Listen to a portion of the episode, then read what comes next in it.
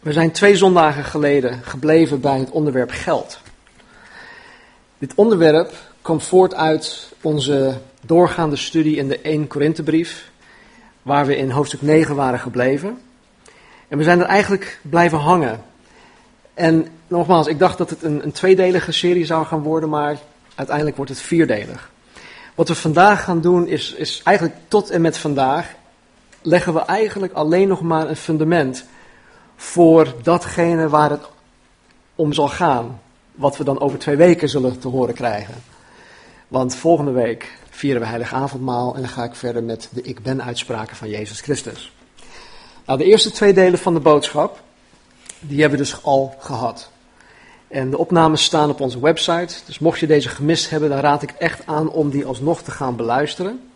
Want nogmaals, het is een meerdelige boodschap.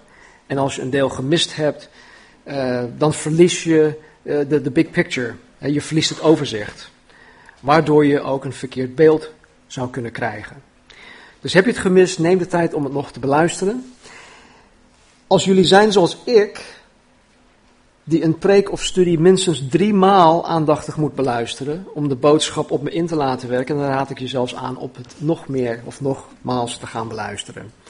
Ze staan op onze website onder uh, de titel Waarom zou ik mijn kerk financieel ondersteunen? Ik denk dat ik dat ga veranderen, want het is veel, veel breder geworden, veel dieper. Dus, uh, maar goed, vooralsnog staat het onder die, uh, onder die kop. Nou, zoals ik twee, twee weken geleden al zei, hebben wij dagelijks te maken met geld. En ieder van ons. Of je nu gaat pinnen of chippen met online bankieren, uh, contant afrekenen, wat dan ook. Uh, we hebben allemaal te maken met geld, dagelijks zelfs. En hoe wij als christenen omgaan met geld, zegt veel over hoe geestelijk volwassen wij zijn als christenen. Het, het, het, het is een soort, uh, het is een manier om te meten hoe geestelijk volwassen je bent. En niet alleen geld hoor, maar hoe je omgaat met je vrouw, zoals ik laatst ook al zei. Hoe je omgaat met elkaar, met je kinderen, met je ouders. Hoe je omgaat met je werkgever, je werknemers. Dat zijn allemaal uh, verschillende manieren om te meten, om te peilen hoe christelijk we eigenlijk zijn. En dus ook met geld, hoe je omgaat met geld, zegt veel over hoe christelijk we daadwerkelijk zijn. Nou, de Bijbel leert ons dat wij als christen zijn de rentmeester zijn. En een rentmeester is iemand die geld van een ander heeft gekregen om daar trouw mee om te gaan. Dus het geld dat de rentmeester in zijn bezit heeft, is niet zijn eigen geld. Het geld is van een ander. En in ons geval, wij die christen zijn, is het geld dat aan ons is toevertrouwd van God.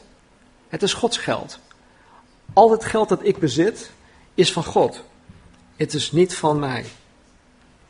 Nou, we worden dagelijks ook geconfronteerd met, uh, met het nemen van beslissingen over geld. En wat we ermee doen. En de beslissingen die we nemen worden voornamelijk gemaakt op basis van vier dingen. De vier dingen die hadden we vorige keer doorgenomen. En de vier dingen waren, hoe zie je geld? En wat vind je ervan? Wat voor gevoel heb je bij geld? Het tweede was, hoe kom je aan geld? Het derde was, hoe geef je geld uit? Aan wat spendeer je geld? En het vierde was, hoe geef je geld weg? Nou, de Bijbel leert ons genoeg over hoe wij geld horen te zien. En wat voor gevoel we erbij uh, horen te hebben, wat wij ervan horen te vinden. De Bijbel leert ons ook genoeg over hoe wij aan geld horen te komen, voornamelijk door te werken. En over hoe en waaraan wij geld horen uit te geven.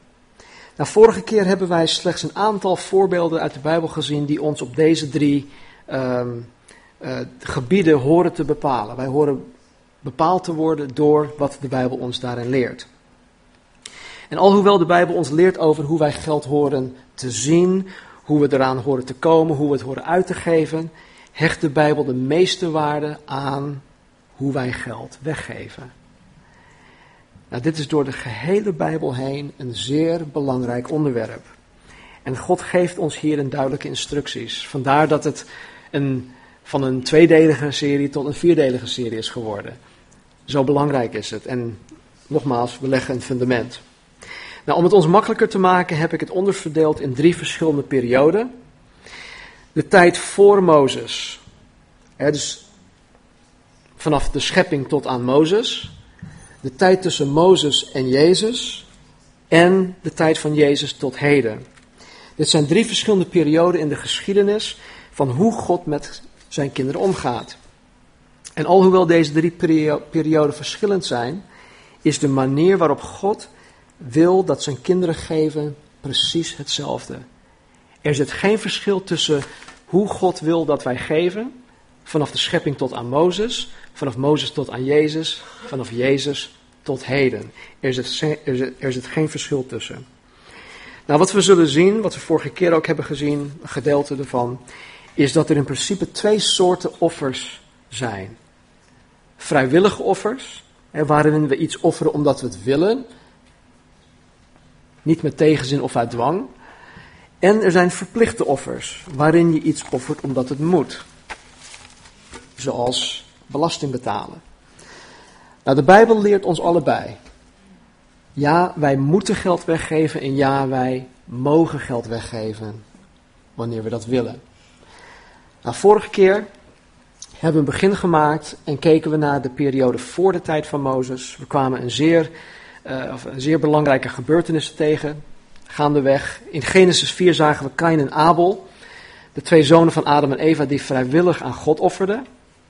In Genesis 8 zagen wij dat Noach vrijwillig aan God offerde. In Genesis 12 en 13 zagen wij dat Abraham, of Abram toen nog, vrijwillig aan God offerde. In Genesis 14 zagen wij dat de tiende voor het eerst voorkwam. En dat was ook een vrijwillig offer van Abraham aan God. In Genesis 28, wat ik vorige keer niet heb genoemd, zien wij Jacob één tiende deel aan God beloven. Maar nogmaals, vrijwillig.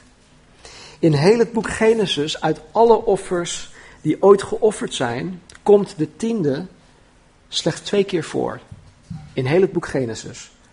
En in beide gevallen is er geen sprake van een gebod van God. Het is geen voorwaarde.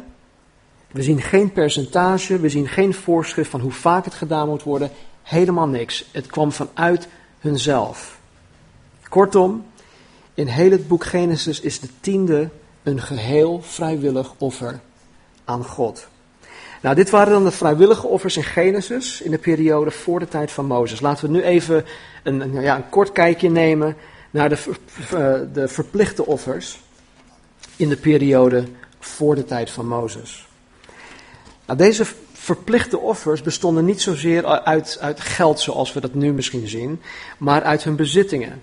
Zoals land, vee, zaad waarmee ze dingen kunnen verbouwen. Want dat is waarmee zij in die tijd handelden. Jullie herinneren vast wel het verhaal van Jozef, de zoon van Jacob. Hij werd door zijn broers verkocht aan slavenhandelaren. Deze hadden hem vervolgens verkocht aan Potifar. En toen de farao een droom kreeg, mocht Jozef deze voor hem interpreteren. God liet de farao in de droom zien dat er zeven uh, jaren zouden komen van gigantische overvloed. Vervolgens zouden er zeven jaren van een verwoestende hongersnood komen. God liet de farao ook weten dat hij hieraan iets, iets moest gaan doen. Hij moest stappen ondernemen. En God gaf de farao door middel van de persoon Jozef instructies over hoe hij dit moest gaan aanpakken. En in Genesis 41, vanaf vers 34, lezen we dit. Dit is dan Jozef die instructies geeft aan, aan, aan de farao. Hij zegt, ook zou u krachtige maatregelen moeten nemen.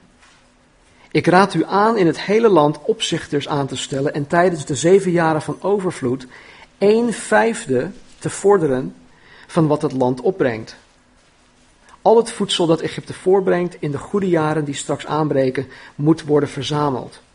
U moet erop toezien dat er in de steden graan wordt opgeslagen en dat graan moet zuinig worden bewaard. Uit die voedselvoorraad kan het land putten in de zeven jaren van hongersnood die het te wachten staan. Zo hoeft Egypte niet van honger om te komen. Dat is uit de nieuwe Bijbelvertaling. In dit gedeelte zien we dus dat God zegt: 20% moet je, moet je uh, of op 20% moet je beslag leggen. Zeven jaar lang. En in Genesis 47 zien we dit dus in de praktijk. Even verderop, in hoofdstuk 47, vers 24 en 26, spreekt Jozef tot het volk, een soort van premier van, premier van Egypte. En hij zegt in, in eh, vers 24, hij geeft hen dus instructies, van de opbrengst moet u voortaan 1 vijfde deel, dus 20% aan de farao afstaan. 4 vijfde, 80% is voor u. Dat kunt u gebruiken als zaaigoed en als voedsel voor uzelf, uw kinderen en uw verdere familieleden. Jozef legde in een wet vast dat 1 vijfde van de opbrengst van de Egyptische akkers voor de farao was. Het verplicht geven in het Oud Testament voor de tijd van Mozes bestond uit 20% van hun inkomsten. Dit is het eerste belastingstelsel dat in de Bijbel voorkomt. En het wordt door God zelf ingevoerd. Want dit heeft niks te maken met vrijwillig offer. Nee, ze moesten. Een vijfde deel. En God gaf die instructies aan de farao om dit uit te voeren. Het Egyptisch volk wordt dus belast met 20% Nou, het vrijwillig geven in het Oude Testament voor de tijd van Mozes is gericht op God. Het is echt geven aan God. Het is persoonlijk en het is een respons, ofwel het is een antwoord van liefde en van het opofferen van jezelf. Zoals Noach dat deed, zoals Kain en Abel dat deden, zoals Abraham dat deed. Hij gaf aan Melchizedek en het, niemand had hem gezegd om dat, dat te doen. Het was een respons, het was, was gewoon een, een, een antwoord op de liefde van God. Daarentegen is het verplicht geven in het Oude Testament voor de tijd van Mozes gericht op de nationale overheid, die in de noden van het volk voorzag. In dit geval was het Egypte. Kortom, in het Oud Testament, de periode tussen de schepping en de wet van Mozes, is het vrijwillig geven, iets aan God geven. En het verplicht geven is belasting betalen. Nou, laten we gaan kijken naar de periode van de wet van Mozes tot aan de tijd van Jezus. In deze periode wordt het geven van de tiende een algemeen begrip. En degene die ons vandaag de dag leren dat men hun tiende moeten geven, bouwen hun doctrine vooral op deze periode. De wet van Mozes. Maar laten we, laten we zelf gewoon kijken naar wat de Bijbel ons hierin zegt. Laten we ten eerste kijken naar het verplicht geven. Nou, ik was heel lang onder de veronderstelling dat het geven van de tiende betekende dat men een tiende deel, dus 10% van hun inkomsten aan God weggaf. En dat was uh, wat heel Israël deed. En mijn veronderstelling was dus gebaseerd op wat er in wat er mij werd verteld. Want dat deed Israël, dus wij horen dat ook te doen. Maar toen ik me hierin ging verdiepen, kwam ik er gauw genoeg achter dat mijn veronderstelling niet helemaal goed was. Sterker nog, het was gewoon fout. Wat we vanmorgen in de Bijbel zullen zien, denk ik, zal de meeste van ons gaan verrassen. Het verraste mij. En ik denk niet dat wij zo anders zijn. Dus als het mij verraste, zal, ik, zal het jullie waarschijnlijk ook gaan verrassen.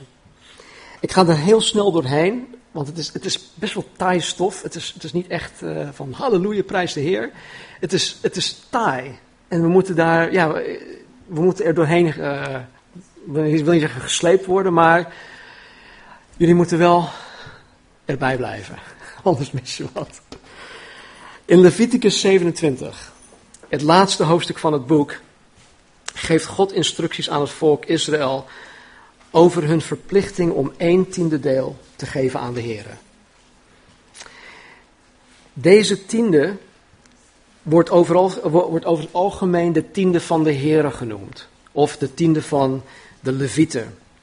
En de reden waarom het de tiende van de Levieten werd genoemd is omdat uh, het uiteindelijk aan de Levieten werd gegeven. De Levieten waren de priesters. Zij werden gekozen om de Heren in de tabernakel te dienen en zij deden dat werk. Zij dienden de Heren, zij dienden het hele volk van Israël in de tabernakel. Het was hun werk. En de tiende die zij van het volk ontvingen was dus hun loon. In Leviticus 27, vers 30 en 32 staat dit. 10% van alles wat je land aan koren en vruchten oplevert, komt toe aan de Heer. Het is zijn rechtmatig eigendom. En wat je veestapel betreft, bij de telling van je runderen, schapen of geiten, moet steeds het tiende dier apart gezet worden. Het komt toe aan de Heer. Hier staat dus dat 10% van alles wat hun land aan koren en vruchten opleverde, plus hun dieren, behoorde God toe. Het was Gods eigendom. Dus als men dit niet teruggaf aan God, dan beroofden ze God. Het geven van hun tiende was eigenlijk niet eens geven. Het was gewoon teruggeven, want het staat hier, het staat hier dat het Gods rechtmatig eigendom is. Het was al van God, we geven het gewoon terug aan God. Dus deze tiende is iets wat wij, of wat zij dus teruggaven aan God. En Malachi 3 spreekt van het bestelen van God, doordat zij hun tiende niet aan God gaven. Lees, lees het, het boek Malachi, het bestaat met, maar uit drie hoofdstukken. In die tijd moesten de priesters, de levieten, gaan werken naast hun dienst aan de Here om voor hun eigen brood te zorgen. En God zegt dat dat, wat, wat, wat, wat eh, de, de Israëlieten deden, door hun, niet, door hun tienen niet te geven, dat was bestelen, God bestelen. En dat was dan de, de, de, ja, de, de berisping van de profeet Malachi aan de Israëlieten. Nou, ik weet dat er heel veel misbruik wordt gemaakt van, van dat hoofdstuk. Er wordt vaak gezegd, beproef, hè, beproef mij, zegt de Heer. En geef, en de hemel zal open voor je gaan, en je zal overvloed krijgen. Nou, er wordt heel veel over gesproken, maar je moet de context daarin zien. Mensen gaven niks meer aan God. Ze weerhielden de tiende, wat eigenlijk al van God was. Dus ze bestolen, bestolen, besteelden, bestalen God. Nou, dit tiende deel. They ripped them off. Ja?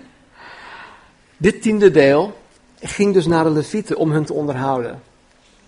Ze hadden geen andere bron van inkomsten, ze leefden van hun bediening als priesters. En weet je, de, de Levieten vormden trouwens ook de overheid. Zij maakten de dienst uit van het volk van Israël. Nou, dit is dus de tiende waar men over spreekt wanneer er gesproken wordt over het geven van de tiende in het Oud Testament, in de tijd van Mozes. Maar volgens een aantal theologen, en ze zijn er nog niet over uit, nog geen, het heeft 2000 jaar geduurd, maar ze zijn nog niet over uit. Volgens een aantal theologen leert het Oude Testament dat er nog meer verplicht moet worden gegeven. Dus laten we nog even gaan kijken naar een paar andere schriftgedeelten. Nogmaals, ik ga er vrij snel doorheen, dus je hoeft niet zelf naar die teksten toe te gaan, maar schrijf ze op als je wil, om daar later op terug te komen. We gaan ten eerste naar Deuteronomium 12. Volgens Deuteronomium 12, vers 6 tot 19 moesten de Israëlieten ook een tiende deel geven aan. Um, ze moesten het naar Jeruzalem brengen. Voor een feest. Om daar gezamenlijk met hun gezin, met hun familie, met hun dienstknechten die ze in dienst hadden. En samen met de priesters te gaan eten. Het was een feest. En ze moesten een tiende brengen naar Jeruzalem om daar dat feest te kunnen vieren. En je kan dit zien als een soort van, van landelijk potluck. Weet je wat een potluck is? Dat is een Amerikaans uh, feestje waar iedereen iets meebrengt om te delen met elkaar. Nou, dat doen we wel eens eh, in de bungalow. zondag na de dienst, iedereen neemt wat mee. Nou, dit moet je zien als een soort landelijke, landelijke. De bedoeling hierachter was om de onderlinge gemeenschap van de Israëlieten en het delen met elkaar te stimuleren. Het doet me een beetje denken aan zo'n straatbarbecue. Die, die hebben we in onze straat sinds twee jaar nu. En uh, ja, het ze proberen daarmee, of wij proberen daarmee, de onderlinge contact een beetje te stimuleren. En uh, de gemeenschap met elkaar en dat soort dingen. Goed, het is heel anders, maar het doet me een beetje daaraan denken. Nou, dit is dus de tweede tiende die zij verplicht waren om te geven. Ze zitten nu dus al op 20%. Even verderop in Deuteronomium 14, vers 28 vinden wij een derde tiende die Israël verplicht was om te geven. In Deuteronomium 14, 28 en 29 staat er dit. Elk derde jaar moet je het tiende deel van de opbrengst van dat jaar wel in zijn geheel afdragen, maar het opslaan in je eigen stad.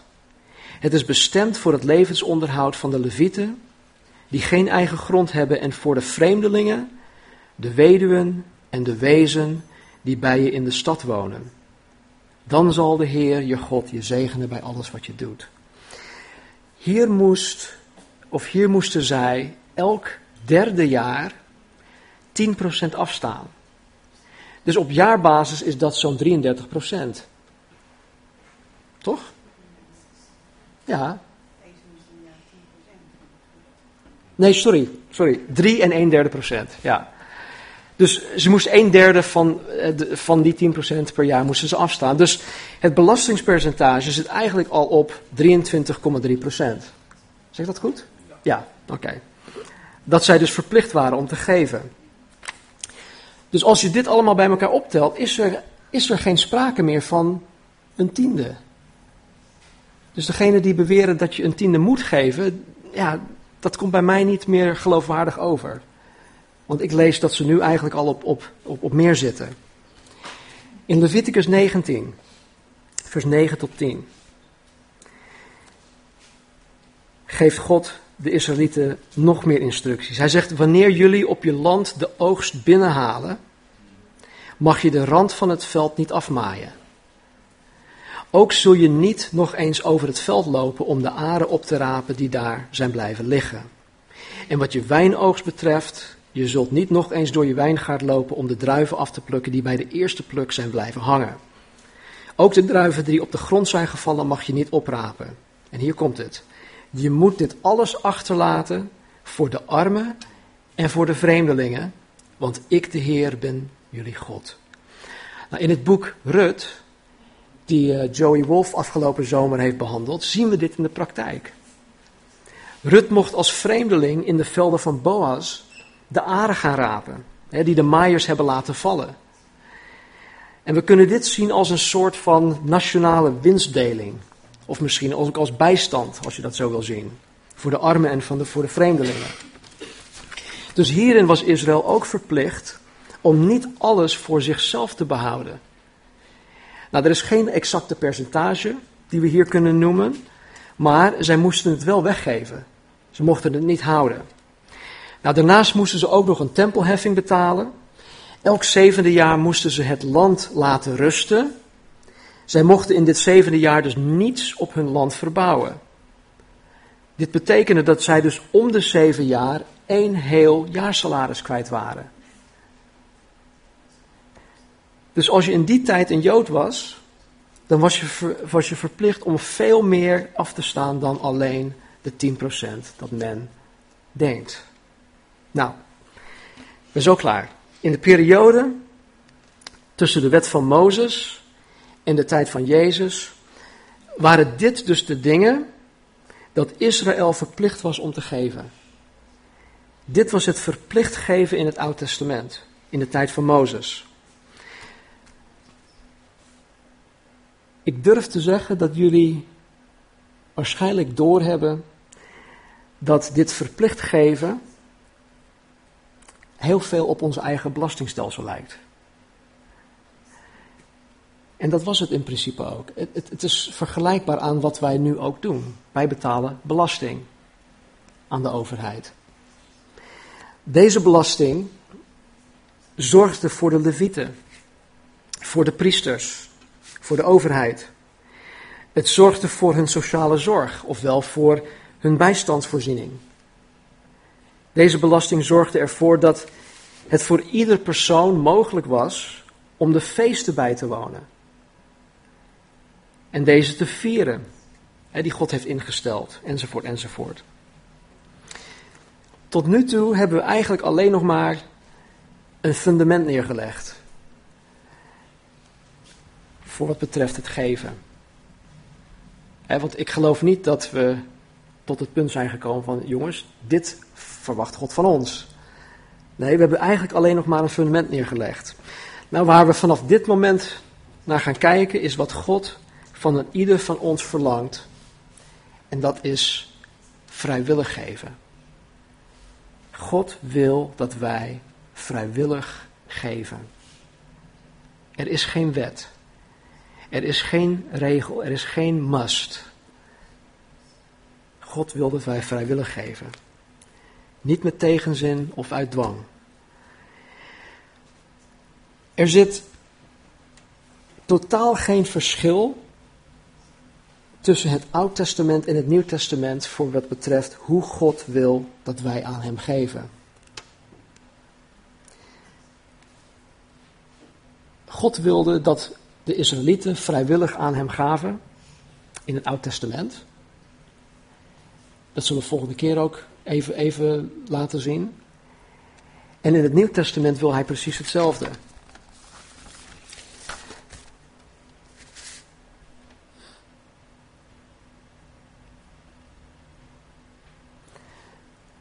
Maar daar moeten we terugkomen, op terugkomen. Aanstaande zondag, heilig avondmaal. Over twee weken komen we terug op het Nieuw Testament. En wat God van ieder van ons verlangt. Wat Hij van ons verwacht. En weet je, het is bevrijdend. De Bijbel leert ons dat Jezus gekomen is om ons vrij te maken. En het is zo bevrijdend om te weten wat God van ons verlangt voor wat betreft het geven. Wat ik vorige keer ook al zei, is dat, um, dat sommigen het niet verstandig vinden om dit op deze manier te brengen. Want als je de mensen niet verplicht om hun tiende te geven, dan gaan ze ook niet geven dan, gaan ze, hè, dan, dan, dan kan je de, de, de tent ook niet draaiend houden. Om het heel plat te zeggen. Maar ik vertrouw op God. Ik vertrouw erop dat wanneer ik het woord breng zoals ik geloof dat het er staat, dat ik open en eerlijk ben met jullie, dat God, het, dat God de rest zal gaan doen. En er wordt nooit gevraagd om geld, er wordt nooit gezegd van jongens, we moeten dit, we moeten dat. En dat wil ik graag zo houden.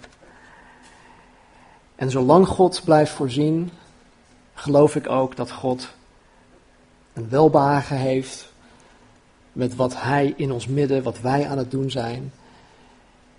En dus ik hoef niet bang te zijn dat dit niet draaiend zal blijven, want Hij is degene die het draaiend blijft houden. Het is Zijn gemeente, het is Zijn probleem. En ik weet zeker dat God op, een, op jullie harten ook ehm, ja, de wil, de bereidwilligheid legt om te geven zoals Hij dat wil. Weet je, ik, ik, heb, ik heb van de week, uh, ben ik hiermee bezig geweest. En ik dacht van, oh man, ik wil zo graag geven. De neiging is om te zeggen, Heer, als ik iets meer heb, zal ik ook iets meer geven. Maar weet je, wat we volgende keer ook zullen zien, is dat als je niet trouw bent in het geven met het kleine beetje dat je nu misschien hebt, zal je zeer zeker niet meer geven als er meer aan je toevertrouwd is. Goed, daar komen we volgende keer op terug. Nogmaals, wat een, in eerste instantie een tweedelige serie zou zijn, is uiteindelijk een vierdelige serie geworden. Over twee weken maak ik het echt af. Misschien wordt het iets langer, maar ik maak het zeker over twee weken af.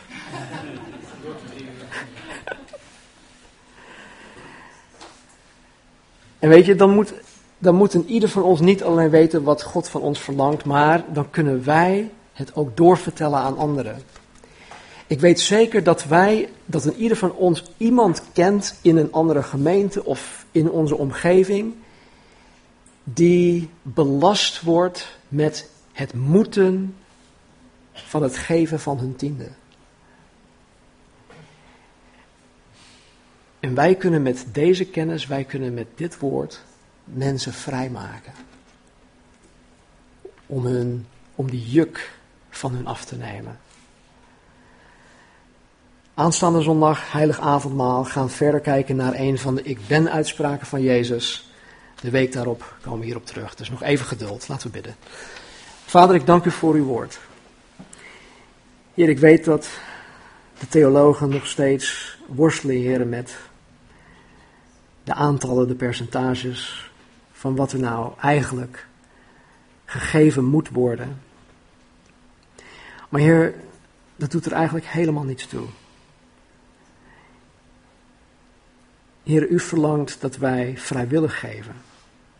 En Heer, daar hangt geen percentage aan. Daar hangt helemaal niks aan, Heer, alleen een bereidwillig hart. Heer, u wil dat wij blijmoedige gevers zijn. Heren, in de grondtekst staat er letterlijk dat wij hilarische gevers horen te zijn. En Heer, zoals u ook zei, dat het meer gezegend is om te geven dan om te ontvangen. Heren, dat is de, de kern. En heren, zoals we over twee weken ook zullen gaan zien, heren, wat dat precies inhoudt. Heren, dan zal 2 Korinthe 9 vers 7 ook zoveel meer voor ons gaan betekenen. Help ons, Vader. Beweeg ons. En help ons ook om anderen te helpen om vrij te komen, heren, van de juk, heren, die ons opgelegd wordt. Zegen ons daarin. En stel ons, Vader, vooral ook tot zegen tot anderen. Dank u wel, Heer. Dank u dat u zo liefdevol bent en dat u zo begaan bent met ons. En dat u ons wil vrijmaken om u, Heere, van harte, uit liefde te willen dienen. En dat, dat we tot het besef komen dat alles dat we hebben aan ons toevertrouwd is, dat het uiteindelijk toch uw eigendom is. En wat we geven, heren, dat we teruggeven aan u. Dank u wel voor die vrijheid. Dank u wel voor uw liefde. In Jezus' naam. Amen. Laten we staan.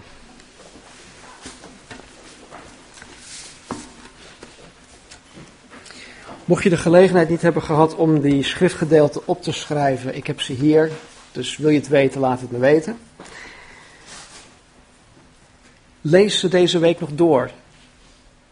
Neem het niet zomaar van mij aan. Beproef alle dingen, zegt de Bijbel. Toets het. Beluister nogmaals de studies over dit onderwerp. Bid tot God dat de Heilige Geest zijn woord hierover in jullie harten zal bevestigen. We kunnen het hier wel beamen, maar uiteindelijk moet het hier in ons hart bevestigd worden. Wees gezegend deze week. Weet wie je in Christus bent. Leun op Hem, steun op Hem. Zoek Hem, opdat Hij hele bijzondere dingen deze week in je leven zal gaan doen. Hij wil het doen. We hoeven Hem niet te forceren of te dwingen. Hij wil het. Hij wil het graag. Maar de genade van de Heer Jezus, de liefde van God en de gemeenschap van de Heilige Geest, zij en blijven met jullie allen. In Zijn naam. Amen.